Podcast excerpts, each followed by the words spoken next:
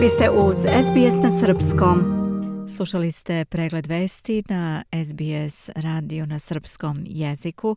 Za sve najnovije posjetite sbs.com.au kosacrta news. U nastavku opširan sportski pregled.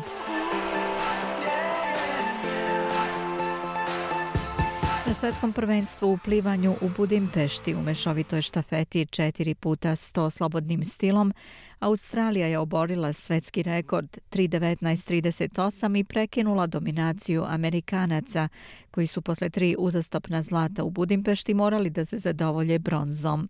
Američka plivačica Keti Ledecki triumfovala je u trci na 800 metara slobodno i osvojila peto uzastopno svetsko zlato u toj disciplini. U trci na 50 metara delfin stilom u ženskoj konkurenciji najbrža je bila Sara Sjelstrom, četvrti put uzastopno, čime je došla do 18. medalje na svetskim šampionatima. Veliku radost domaćoj publici priredio je Kristof Milak, koji je posle triumfa na 200 metara delfin stilom pobedio i na upola kraćoj deonici.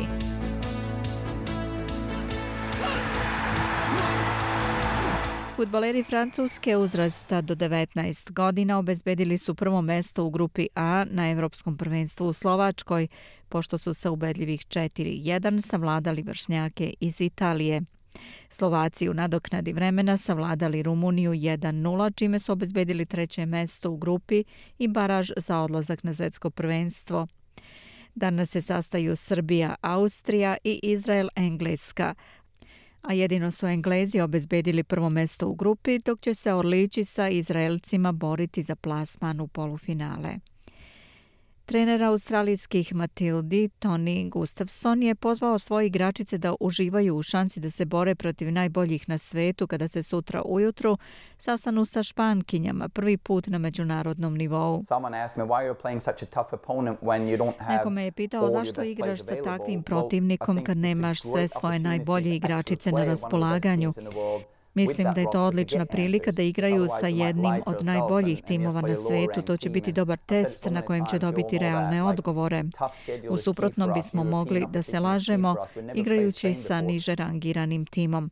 Svi znate da je težak raspored ključan za nas. Evropska opozicija je ključna za nas. Nikad ranije nismo igrali sa Španijom, kaže on. Matilde će se u sredu sastati sa još jednim evropskim super timom, Portugalijom. Ragbi Novi Južni Vels osvojio je ovogodišnji State of Origin u ženskoj konkurenciji pobedivši Team Queensland 20 prema 14 u Kamberi. Isabel Kelly iz tima Novog Južnog Velsa je proglašena igračicom utakmice. AFL West Coast zabeležio drugu pobedu sezone protiv Essendona. Veteran Josh Kennedy nadao se da će zadobiti pobedu za svoj tim petim golom u utakmici finalnog kruga, ali Bombers su u zadnjem trenutku ukrali momentum. Eagles dobili sa 10 pojena razlike Perth, Western Bulldogs 42 pojena pobjeda nad ekipom Hawthorne u Melbourneu. Muška odbojkaška reprezentacija Srbije pobedila je u Sofiji selekciju Kanade 3-2 u trećem meču druge nedelje Lige nacija. Odbojkaše Srbije u nedelju očekuje duel protiv Australije. Vaterpolo reprezentacija Srbije savladala je u četvrtak Australiju 6-5 utakmici drugog kola D grupe na svetskom prvenstvu u Mađarskoj. Možda i neočekivano, Australijanci su na bazenu u Segedinu pružili jak otpor podmlađenom timu Srbije, ali su izabranici Dejana Savića ipak uspeli da dođu do pobede i nadomak prvog mesta u grupi koje direktno vodi u četvrt finale. Kapiten Vaterpolo reprezentacije Srbije Branislav Mitrović odigrao je 200. utakmicu za nacionalni tim protiv Australije. Najbolji srpski teniser Novak Đoković trebalo je u petak da odigra drugi meč na egzibiciji u Harlingemu, ali je taj meč otkazan. Razlog za otkazivanje Novakovog meča nije naveden, samo je saopšteno da će u to vreme na travu Harlington klubu izaći Diego Schwarzman i Aleksej Popirin. Njegov najveći rival u karijeri, Rafael Nadal, doživao je poraz na istom takmičenju od kanadjanina Felixa Ože Aliasima sa 7-6, 4-6, 10-3. Čelnici Wimbledona, najvećeg teniskog turnira na svetu, doneli su još jednu važnu odluku i prekinuli dugu tradiciju koja se tiče centralnog terena. Organizatori su prvi put omogućili igračima da treniraju na najvećem stadionu u kompleksu pre početka turnira, kako bi se navikli na uslove na najbržoj podlozi. Do sada su učesnici Wimbledona trenirali u trening centru Orange Park, ali je od ove godine moguće to činiti i na najvećim terenima.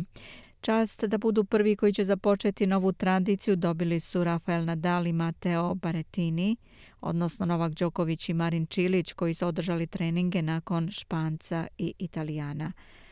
Stefanos Cicipas i Benjamin Bonci odmerili su snage u polufinalu Majorke. Cicipas je pobedio Francuza 6-4-6-4. U finalu ga čeka pobednik meča Roberto Bautista Ogut i Antoine Bellier. SBS ogledalo aktualnih zbivanja u sportu.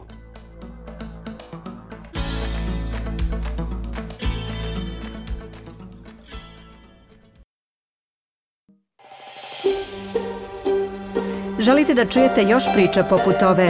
Slušajte nas na Apple Podcast, Google Podcast, Spotify ili odakle god slušate podcast.